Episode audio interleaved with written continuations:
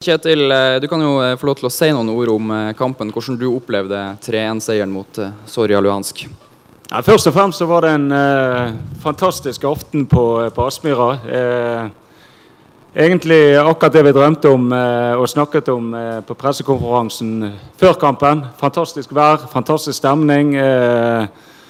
det er noe spesielt å spille i flomlys og mørkt og klokka ni. og eh, europahymnen, folk, stemninger stemninga rundt, rundt, banen. Så eh, det føler jeg var med å løfte laget. Eh, jeg føler at eh, kampen starter vi ganske OK. Eh, men så blir han litt rotete. Det, det, er en litt spesiell motstander som spiller veldig mye mann-mann-spill.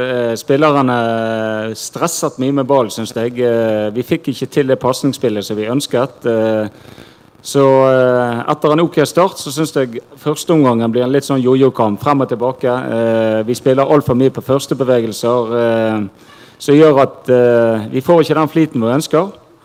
vi pratet om det i pausen, og det er òg veldig store muligheter for brudd på det laget, de, for de er ganske ubalansert. Det er et lag med mye strekk i seg. Så andreomgangen blir mye mer Glimt-fotball, syns jeg. Vi er bedre i presset vårt. Vi er roligere med ball. Vi spiller eh, for flere pasninger, og vi kommer mer i gunstige situasjoner. Eh, nesten i overtall eh, x antall ganger inn mot siste tredjedel. Og 3-0, det skulle det blitt. Unødvendig med den siste, men stort sett fornøyd. Og jeg føler ikke at vi gikk helt i kjelleren i dag heller. Så en flott kveld for alle som er glad i Bodø-Glimt.